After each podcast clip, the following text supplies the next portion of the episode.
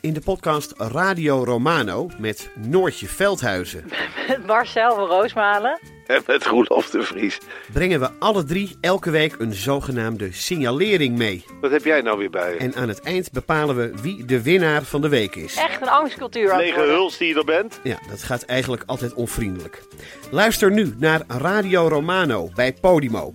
Via podimo.nl slash Radio Romano luister je 30 dagen gratis. De strijd om de miljoenen van Siewert van Liende is losgebarsten. Zowel de staat als zijn stichting eisen de mondkapjeswinst terug.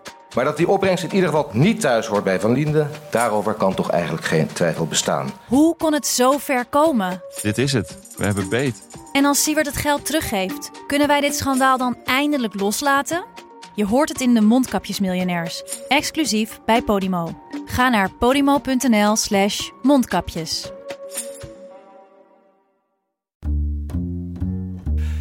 Hallo, dit is uw wekelijkse podcast van de Groene Amsterdammer. En ik ben Kees van der Bos.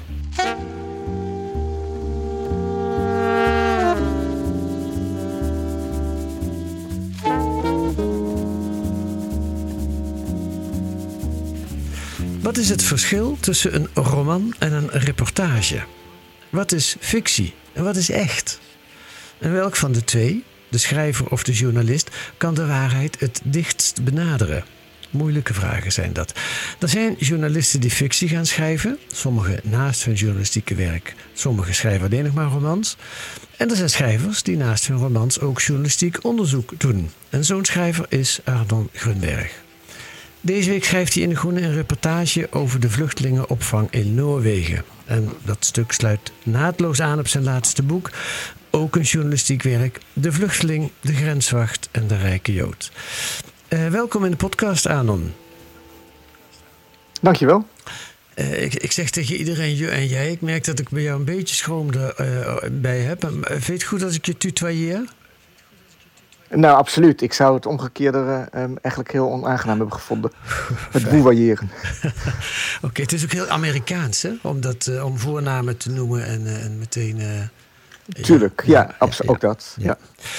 Goed, jij zit in New York, ik zit in Nijmegen in de studio. En eh, ergens rondom jouw stoel kruipt jouw zoontje van 2,5. Ehm, nee, hij kruipt niet, hij zit op mijn schoot en kijkt nu naar een eh, filmpje Ah, op de computer. kijk, dat is, dat is universeel. Dat werkt het beste bij kinderen. Nou, ik hoop Ja, dat, zolang, dat. Ja, zolang als dat filmpje duurt, kunnen wij rustig spreken. Ehm, precies, ja. Vind je het goed aan om als ik jou behalve schrijver ook journalist noem? Ja, van mij mag dat. Ehm, ja hoor, ik heb daar geen bezwaar tegen. Ik, ik denk, ik weet niet wat eh, andere journalisten of journalisten daarvan zullen vinden. En in die zin vind ik ook eigenlijk altijd dat de journalistieke reportages die ik maak zich onttrekken aan de doelstellingen, de harde doelstellingen van, eh, van dagbladen.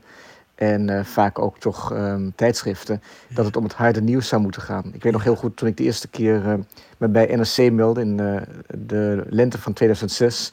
En ik zei dat ik naar Afghanistan wilde mee met het Nederlandse leger. Toen kreeg ik de vraag te horen van waarom jij? En toen zei ik ja, omdat ik ook geïnteresseerd ben in wat een soldaat voor zo'n ontbijt eet. En hoe hij de avonden doorbrengt. Omdat het mij minder gaat om alle feitelijkheden die je toch al kan lezen. Ja. Dus in die zin vind ik mij een atypische journalist. Ja, ja. Maar je bent, dat snap ik, maar je bent wel een journalist die ook de dingen checkt. Zie ik in je boek. Als mensen iets beweren wat je kunt checken, dan doe je dat ook. Dat vind ik heel belangrijk. Ik, vind, ik heb respect voor de werkelijkheid. Eh, daar kunnen we later over praten wat dat betekent. Ook als romanschrijver trouwens. Maar ik vind zeker dat, dat eh, het onderscheid tussen fictie en non-fictie doet in zoverre toe dat ik vind dat wat je, de beweringen die je doet in, in non-fictie, in reportages, ook in essays, moeten verifieerbaar zijn. En als iemand in een interview tegen mij iets zegt, ik bedoel, ik ben niet paranoia. Ik ga uit van de goede trouw van mijn gesprekspartner. Maar ik ben ook enigszins sceptisch. Ik begrijp ook dat mensen belangen hebben. Dat het geheugen niet altijd even goed werkt. Dat er in sommige gevallen, als je met mensen praat, eh, je allebei praat in een taal die eh, voor de betrokkenen eh, en ook voor mij soms de tweede of zelfs derde taal is. Dus er kunnen allerlei onduidelijkheden insluipen. Dus om zeker te weten dat, dat wat ik heb gehoord eh, kan kloppen, wil ik dat ook graag nagaan en checken. Ja. Ja, ja. Dat zijn goede journalistieke principes ook om dat te doen. Wanneer is dat begonnen? Dat, jij... dat, dat lijkt me wel, ja. Oh ja. Sorry, nu hebben we toch enige last van de vertraging. Maar wanneer is dat begonnen? Je zei net 2006 dat je eh, dacht, ik schrijf nu wel boeken, maar dat is niet genoeg. Of hoe, hoe ging dat? Nou, dat ging eigenlijk. Uh, het had ermee te maken dat ik al heel lang columns schreef voor NRC. Eh, daar kwam een nieuwe chef kunst. Ik viel onder de kunstredactie. Daar val ik in zekere zin nog steeds onder bij die krant. En die wilde dat ik iets anders ging doen. En dat vond ik zelf eigenlijk ook wel aardig. Maar uh, ik had een ander idee over wat anderen zou zijn dan hij. En ik dacht, ik wil eigenlijk naar plekken gaan waar ik normaal niet kom. En in die tijd was, uh, nou ja, was Afghanistan het, het thema, de oorlog daar. Wat toen nog geen oorlog mocht heten. Het Nederlandse leger ging daarheen. En dat was voor mij een volstrekt onbekend, onbekende wereld. Ik heb nooit in dienst gezeten, wat ik nog net in de generatie viel die wel in dienst had gemoeten. Ik dacht, ik wil weten wat daar gebeurt, ik wil mee. En zo is het eigenlijk begonnen. En dat was zo'n um, nou, ingrijpende ervaring, maar gek genoeg ook een mooie ervaring. Dat ik dacht, dit, dit wil ik wel vaker blijven doen. Zonder dat ik daarmee, ik bedoel, voor mij staat, als ik eerlijk ben, de roman nog wel bovenaan. Maar ik heb ook wel gemerkt dat het, het journalistieke onderzoek, uh, het, het naar buiten gaan, uh, mij als romanschrijver beter maakt. En ik ben, ik ben ook gewoon een heel nieuwsgierig mens. Dat, dat lijkt mij een teken van, uh, ja, ja, ik kan me niet voorstellen dat je dat eigenlijk niet bent. En het, ik vind het ook altijd heel um, toch fnuikend te ontdekken dat er soms mensen zijn die op jonge, maar soms ook op latere leeftijd hun, hun nieuwsgierigheid uh, verliezen of denken alles al te weten. Ja, ja. ja, die nieuwsgierigheid, dat is volgens mij een pure journalistieke drijfveer. Uh, tenminste, dat herken ik nou al zelf ook uh, heel erg. Dat is de reden van waaruit ik mijn werk doe. Um, maar je zei, ja. dat, dat, trof me heel erg, die eerste reportage in Afghanistan. Wat was het? Wat trof je daarin zo? Nou, de, het, het, de cultuurshock van ik was nog nooit in een oorlogsgebied geweest. Ik kende het fenomeen leger eigenlijk alleen uit, uit films en reportages. Um, ik was, had me nog nooit een luchtalarm meegemaakt dat we in een bunker moesten gaan. Ik had nog nooit het idee gehad van dat. dat ik, ik was dichter bij de dood, laat ik het zo zeggen, dan daarvoor. En dat, nou, dat, is, daar is al vaak over geschreven door diverse journalisten, door soldaten. Dat is een intense ervaring die, die soms ook gek genoeg levensvreugde en uh, kan oproepen. En natuurlijk toch ook dat, dat rare gevoel, wat spanning teweeg brengt, adrenaline, het idee van dat het leven, een intense manier van leven, ja. die ook uh, verslavend kan zijn. Ik moet ook eerlijk zeggen, ik ben natuurlijk vaker daarna terug geweest in oorlogsgebieden, zo intens, dat, dat specifieke gevoel van die eerste keer heb ik nooit meer op die manier meegemaakt. Ja. Je hebt daarna uh, echt van alles gedaan. Hè? Je bent bij uh, een gezin in een Vinex-wijk in Utrecht heb je gewoond. Je hebt je bij een groep Mennonieten uh, aangesloten. De Leidse studentenvereniging Minerva. Ehm, je bent ook nog met een vluchteling naar Afghanistan terug geweest. Wat is, wat is ja, behalve nieuwsgierigheid, maar is er nog een andere rode draad te ontdekken? Nou ja, in die zin, ik, we begonnen dit gesprek met, met uh, de, toch een vorm van definitie van wat journalistiek zou kunnen zijn. Mhm. Ik zei, ik ben atypisch. In die zin, ik vind ook altijd, uh, indien mogelijk, wil ik meedoen. Ik heb ook een keer aan de cover was dat drie weken gewerkt in een hotel in, in, in um, Beieren. Mhm. Ik ben in slachthuizen geweest waar ik weliswaar niet zelf letterlijk geslacht heb, maar wel heb meegewerkt. Mhm. Dus ik, ik hou van het indien mogelijk participeren. En in die zin, het gaat voor mij ook. Um, ik, ik, ik identificeer me graag met degene met wie ik meeloop. En dat gaat ook automatisch eigenlijk. Hè. Als je meeloopt met soldaten, word je bijna vanzelf een soldaat. En ik vind dat, dat, dat proces van die identificatie eigenlijk helemaal niet uh, schadelijk. En ook niet een, traditioneel gezien in de journalistiek zou je kunnen zeggen, oh, daarmee verlies je objectiviteit. Mhm. Dan kun, natuurlijk kun je afvragen, wat bestaat die objectiviteit? Maar ik vind dat verlies vaak een plus, want je komt dichter bij wat je wil weten en je begrijpt iets beter op het moment dat je je echt kunt verplaatsen in degene uh, met wie je bent. En ook een belangrijk verschil is natuurlijk dat ik langer blijf. De meeste, um, toch de, de, de, de, de, heel veel van de informatie die ik heb vergaard, komt natuurlijk omdat je op een gegeven moment, ja, de, eigenlijk de hele tijd er bent. Hè. Je gaat met sommige mensen ook na afloop van het werk drinken. Je, bent niet, je loopt niet een dag mee, je loopt niet een paar uur mee. Ik ben er een week, twee weken, soms zelfs langer. En die duur, die tijdsduur, dat, is, um, dat levert eigenlijk altijd veel op. Ik heb eigenlijk ook geleerd in de loop van die reportages... dat soms ik denk, ik ben nu wel klaar, ik weet genoeg... dat het verstandig kan zijn nog even te blijven hangen. De beste dingen komen toch naar buiten op het moment dat je eigenlijk denkt van... Ja, wat doe ik hier nog? Ik kan weer weg. Dat, dat gehang. En opeens dan niet altijd, maar vaak wel gebeurt er iets. Of zeggen mensen iets. Of Ja. komen, valt een masker af. Klinkt misschien wat te moralistisch. Maar laten mensen een andere kant zien. Ja. Ja, het doet me denken aan het gegeven dat als je iemand voor de radio interviewt en je zet de recorder uit, dan komen de mooiste uitspraken. Nou ja, in, in, in zekere zin is dat ook zo. Ik, ik werk daar ook nooit. Ik heb altijd een opschrijfboekje bij me, maar nooit een. ehm, ik neem bijna eigenlijk nooit gesprekken op mijn telefoon op. Inderdaad, om die reden. Want het is natuurlijk ook heel begrijpelijk. Ik, ik ben zelf ook, nou, ik word nu ook geïnterviewd. Ik ken het. Je gaat toch in een soort acteerstand staan op het moment dat je denkt: oh, nu begint het. Ja. Ja. Ja, ja. Ehm, dan ben ik heel benieuwd naar. Kijk, je bent dus. Je, kent beide kanten van het vak. Voor mij is fictie iets heel vreemds. In de zin van. Ik, ik lees graag boeken, maar het lijkt me doodeng om eraan te beginnen om een boek te schrijven. Jij, jij kent het dus allebei, zowel de fictie als de non-fictie. Wat, waarmee benader je de werkelijkheid nou het dichtst? Ja, als ik eerlijk ben, zou ik toch zeggen. vaak ook door middel van fictie. Omdat je dan verlost bent van het, het verifieerbare. Je kan je eigenlijk je eigen hypotheses, je eigen ehm, op de werkelijkheid gefantaseerde fantasie Ja. eh, loslaten. Ik ook- denk zo toch dichter bij bepaalde geheimen komen. Natuurlijk kan je ook enorm vergissen. ja. Maar voor mij is, ik heb het wel vaker gezegd, is, is romanschrijven ook een manier om aan waarheidsvinding te doen. Om toch iets, iets waars te zeggen over eh, wie mensen zijn, over in welke tijd wij leven, et cetera, et cetera. En dat doe, ik- doe ik op een andere manier ook via journalistiek, maar daar zit je toch ja, aan, aan andere beperkingen vast. Mhm, zeker. Ik vind het wel grappig om. En, en, en ja, ja? Nee, ga door. nee, nee, zeg, zeg maar, sorry. Nee, Oh ja. zeg maar. Nee, ik vind het wel, wel grappig om erover na te denken. Want je kan zeggen, ja, maar in een journalistiek werk... dan benader je de werkelijkheid pas echt... want dan laat je je leiden door de feiten... en door wat je tegenkomt en wat mensen zeggen. Terwijl als je datzelfde, diezelfde scène in een roman zou beschrijven... dan heb je alle vrijheid van de wereld. En wie zegt dan nog dat het waar is wat je schrijft? Ja, ik denk dat, dat waarheid en werkelijkheid zijn natuurlijk toch twee verschillende begrippen. En er zijn natuurlijk ook heel veel feiten die ehm, onzichtbaar blijven. In die zin ben ik, ik bedoel, ik ben geen, ik heb mezelf wel eens een ironische mysticus genoemd. Maar ik denk dat er heel veel onkenbaar blijft, onzichtbaar blijft, niet te achterhalen is. En uiteindelijk ook moeilijker toch in, in een artikel van, van 2.000, 3.000 woorden, vaak zijn die artikelen korter, om dat allemaal eh, naar voren te brengen. Dus er zit ook in, in, de, in die feitelijkheid, die heel belangrijk is, hè, dat, dat heb ik al benadrukt. Ik vind het, eh, het factchecken en het nagaan of het kan kloppen of iets klopt, echt een onderdeel ook van, van de reportages die ik maak en waar ik, waar ik heel secuur mee probeer om te gaan. En ik denk dat dat ook meer is dan alleen proberen. Maar tegelijkertijd zit daar natuurlijk ook een, een, een nadeel aan vast, omdat je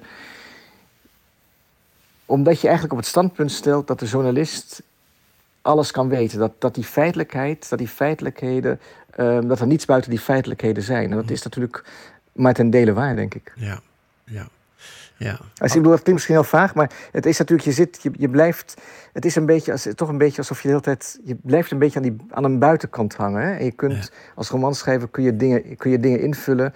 En natuurlijk bestaat ook de neiging om dingen kloppender te maken dan ze in werkelijkheid zijn, dat is waar.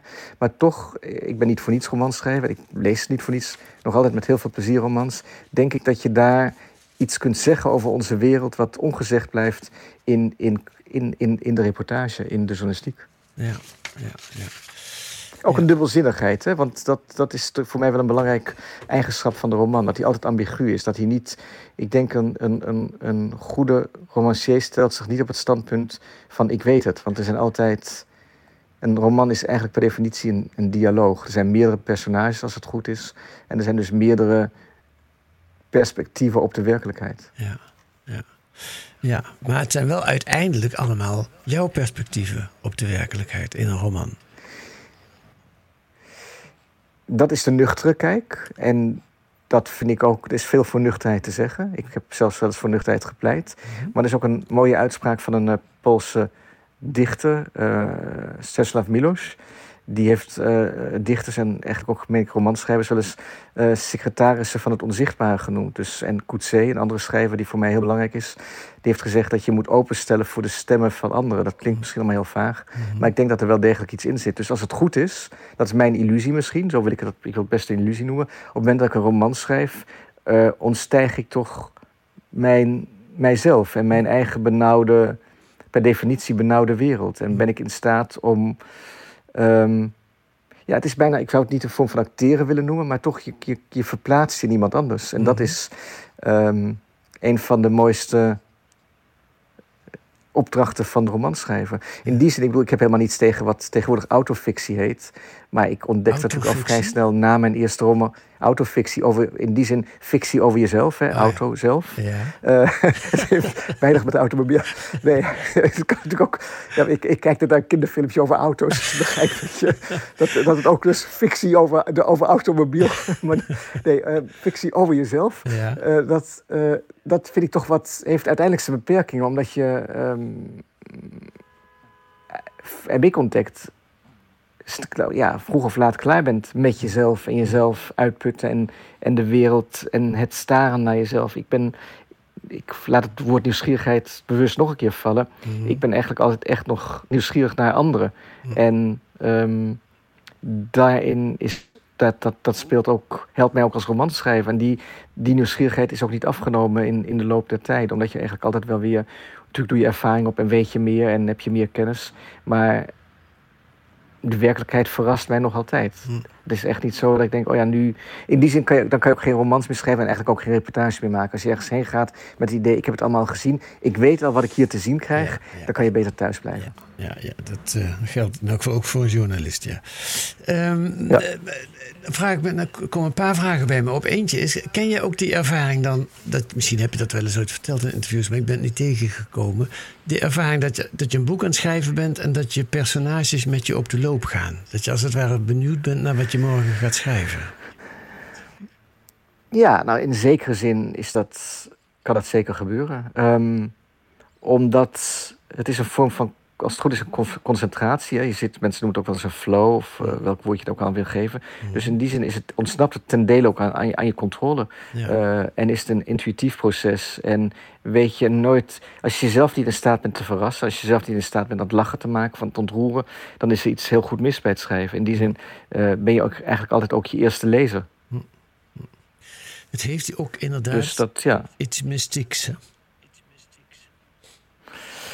Ja, ik, ik vrees, ik bedoel, ik ben helemaal niet, ik, ik, ik ben geen grote liefhebber van zweverigheid, maar ik, ik, er zit, er zit, ja, ik bedoel, het, het zijn, er zit natuurlijk gewoon het idee dat je, dat je jezelf, de wereld, het zijn, alles heel makkelijk kunt doorgronden, vind ik eigenlijk ook een vorm van, ja, simplificatie en, en, en hoogmoedigheid. Dus ik denk dat, dat er dingen zijn, dat er gewoon heel veel dingen zijn die wij niet weten. En dat dat niet weten, dat daarin bij uitstek komt eh, niet alleen de romankunst, maar kunst in het algemeen van pas. En natuurlijk ook religie, om dat in te vullen met, met als het ware hypotheses. Ja. ja.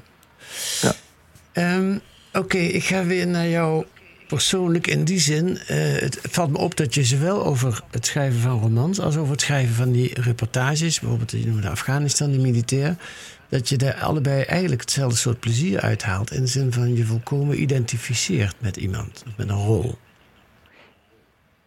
Ja, wat grappig dat je dat, dat, dat- ja. Waarbij natuurlijk één groot verschil is toch dat op het moment dat je op een plek bent, hè, Mhm. niet achter je schrijftafel of achter je bureau, maar op een plek met anderen, gebeurt dat eigenlijk op een eh, nog intensievere manier. Zeker als er gevaar bij komt kijken, of zeker als je uit je eigen comfortzone wordt gehaald. Eh, het kan ook soms heel onaangenaam zijn hoor. Ja. Het kan ook, ik heb ook wel eens echt afgevraagd van.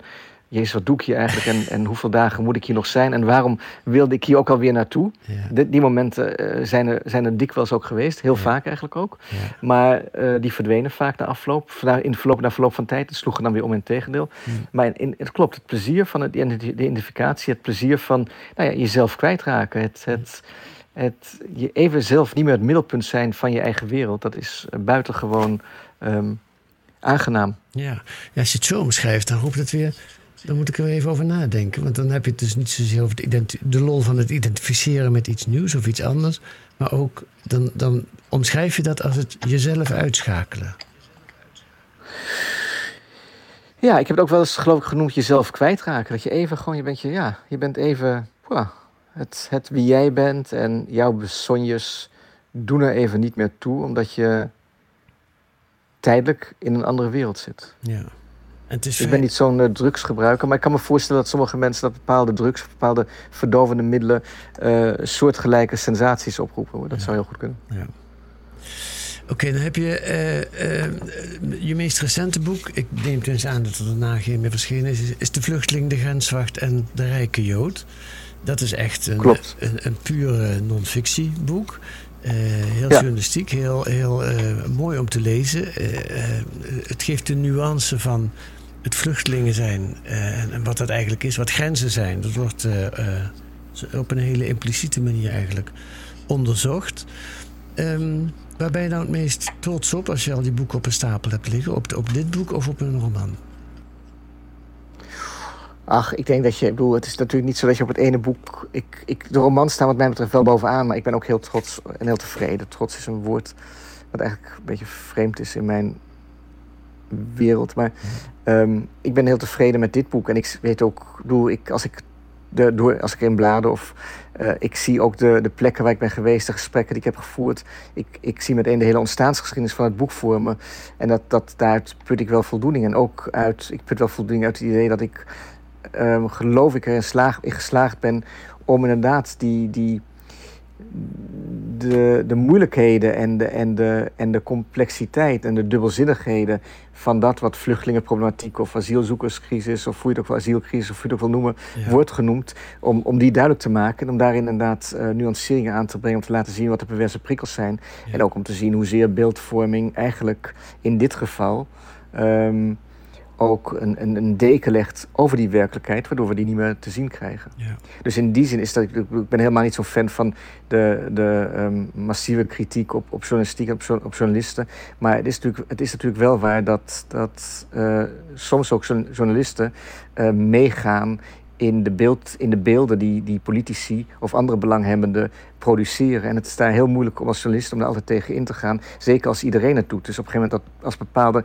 als iedereen het over een asiel Ja. eh, kan je nog zo hard roepen dat die niet echt bestaat. Ja. Op een gegeven moment ga je dus, denk ik, daarin toch wel mee. Dus dat, dat zijn... ehm, ik hoop dat mijn boek daar een beetje aan heeft bijgedragen. Dat, Ja. dat die deken die, die over de werkelijkheid ligt, dat ik die een beetje heb weggetrokken. Ja. ja, en ik snap wat je bedoelt. Je hebt als, als eh, zeker als niet-dagbladjournalist, heb je de, de vrijheid om naar de werkelijkheid, achter de werkelijkheid zou ik maar zeggen, te kijken. Niet, en niet, eh, je, je bent weggebleven van de gebaande paden over, als er over vluchtelingen gesproken Ja. wordt.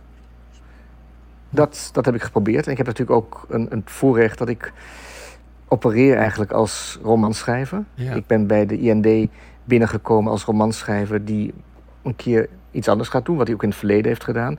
En eh, ik denk ook dat ik in het verleden wel heb bewezen dat ik, ik, ik probeer niet, eh, het is niet, ik ga niet ergens naar binnen om de mensen daar belachelijk te maken of op een nummer te zetten of om een rekening te vereffenen. Dat vind ik totaal interessant. Dan kan je beter een opiniestuk schrijven. Ja. Dus in die zin denk ik dat, dat, dat wij wel geholpen heeft dat de IND bijvoorbeeld de deuren heeft geopend, waar ik, waar ik nog altijd heel blij mee ben.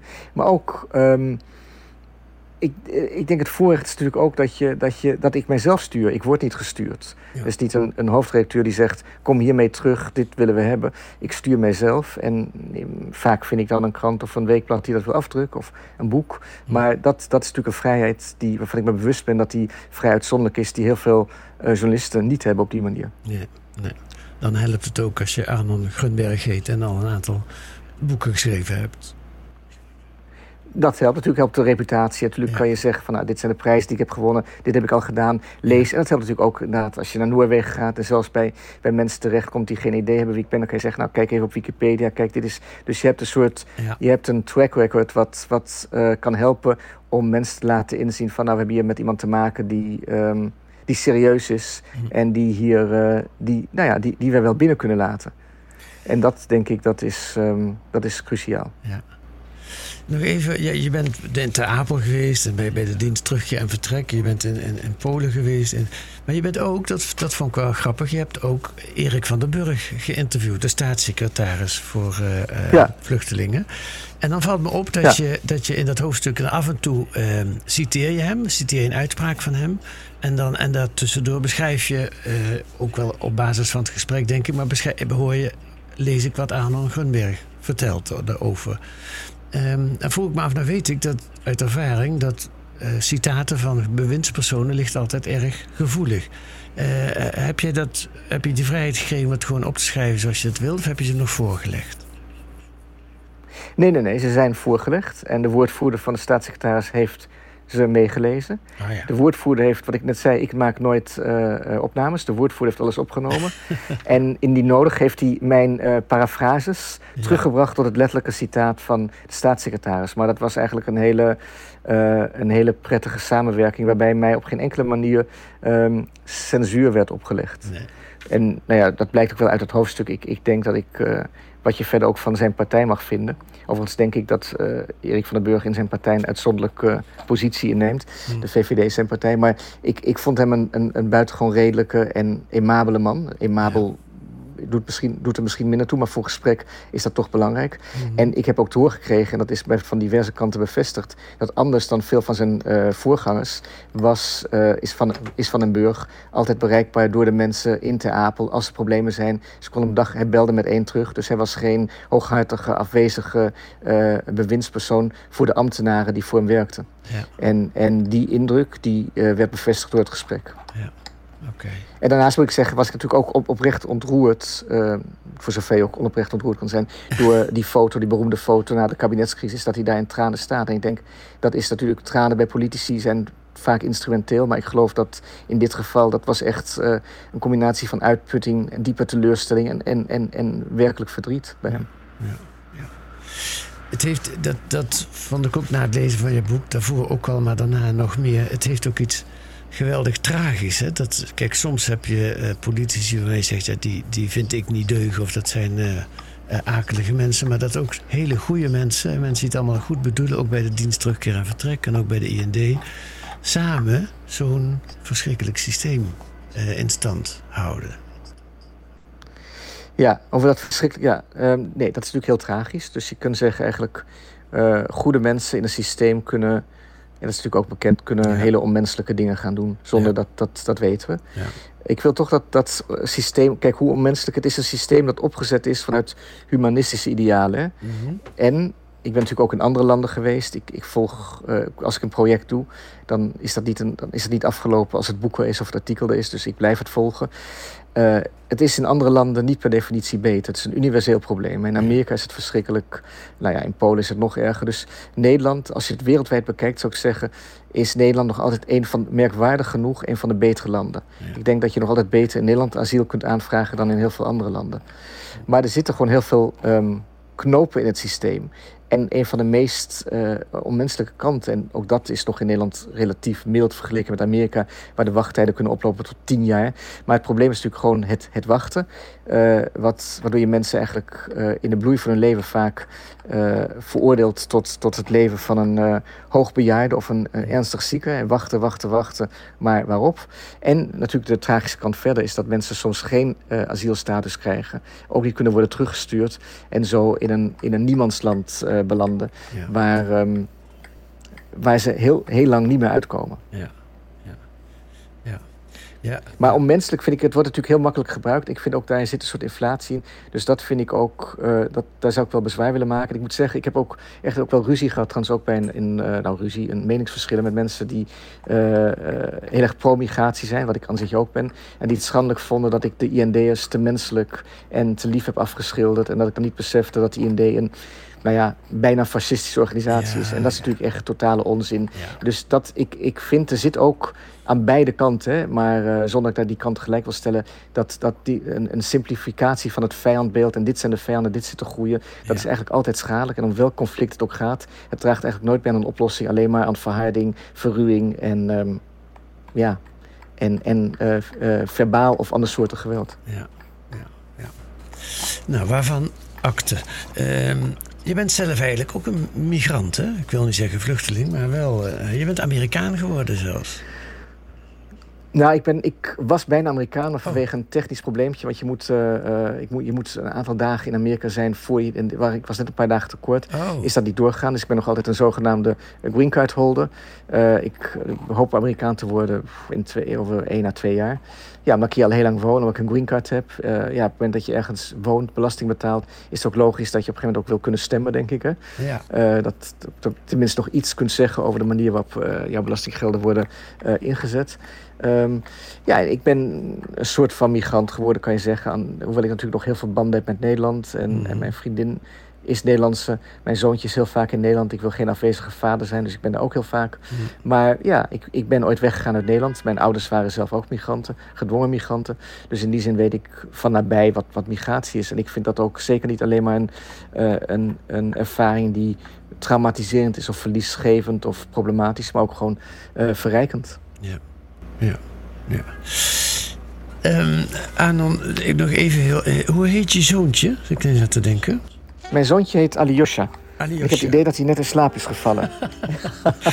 Hij vindt het erg saai. Daarom is hij zo stil. ik, denk, ja, ik, denk, ja, ik denk, wat een stilte. Hij vindt het zo saai. Ja, hij is in slaap gevallen.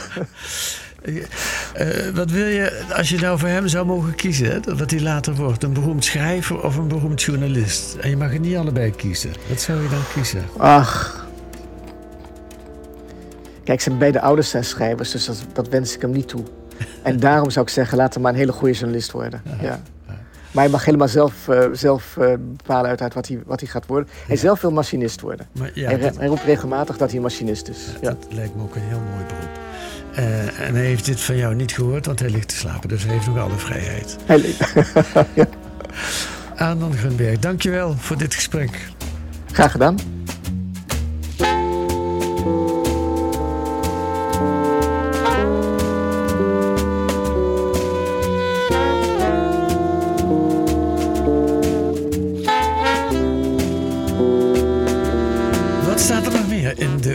Deze week? Een onderzoek naar de bioblamage. Wat is dat? In Nederland blijft de biologische landbouw op een schamele 4% steken. Terwijl dat volgens Europese afspraken in 2030 25% moet zijn. De Investico-journalisten Simon de Kweker en Freyan Bosma doken in de landbouwcijfers om te achterhalen hoe dat komt. En wat blijkt? De bioboeren worden stelselmatig onderbedeeld als het gaat om de verdeling van landbouwsubsidies. En een interview met de historicus Yair Wallach over de koloniale dimensies van het ontstaan van Israël. Ken jij die, eh Arnon? Yair Wallach, die historicus? Ik, ken, ik ken zijn naam, maar ik ken zijn werk niet. Oké. Ik ben heel benieuwd naar het interview. Hij vreest een nachtmerrie-scenario waarbij hele bevolkingsgroepen elkaar als vijand zien. Eh, om dat te voorkomen, nu citeer ik hem, moeten Israëli's opkomen voor Palestijnen. Die worden aangevallen en gearresteerd. En daarnaast is het noodzakelijk dat er Palestijnse erkenning komt van het recht van Israëli's om in het land te zijn. Nou, dat zijn woorden waar jij je ook al in kunt vinden, denk ik. Zeker. Ja. Ja. Dat kunt u lezen met een abonnement of een proefabonnement. Ga dan naar groene.nl. Daar, staat hoe u 10 weken de groene kunt krijgen voor 15 euro. U wilt reageren eh, op de podcast, dan kan dat via de mail podcast.groene.nl. Volgende week zijn we er weer met analyses en achtergronden bij het nieuws in deze podcast van De Groene Amsterdammer. Deze week werd die gemaakt door Mats Koeper en Kees van der Bos. En de muziek is A Tune for N van Paul van Kemenade. Tot volgende week.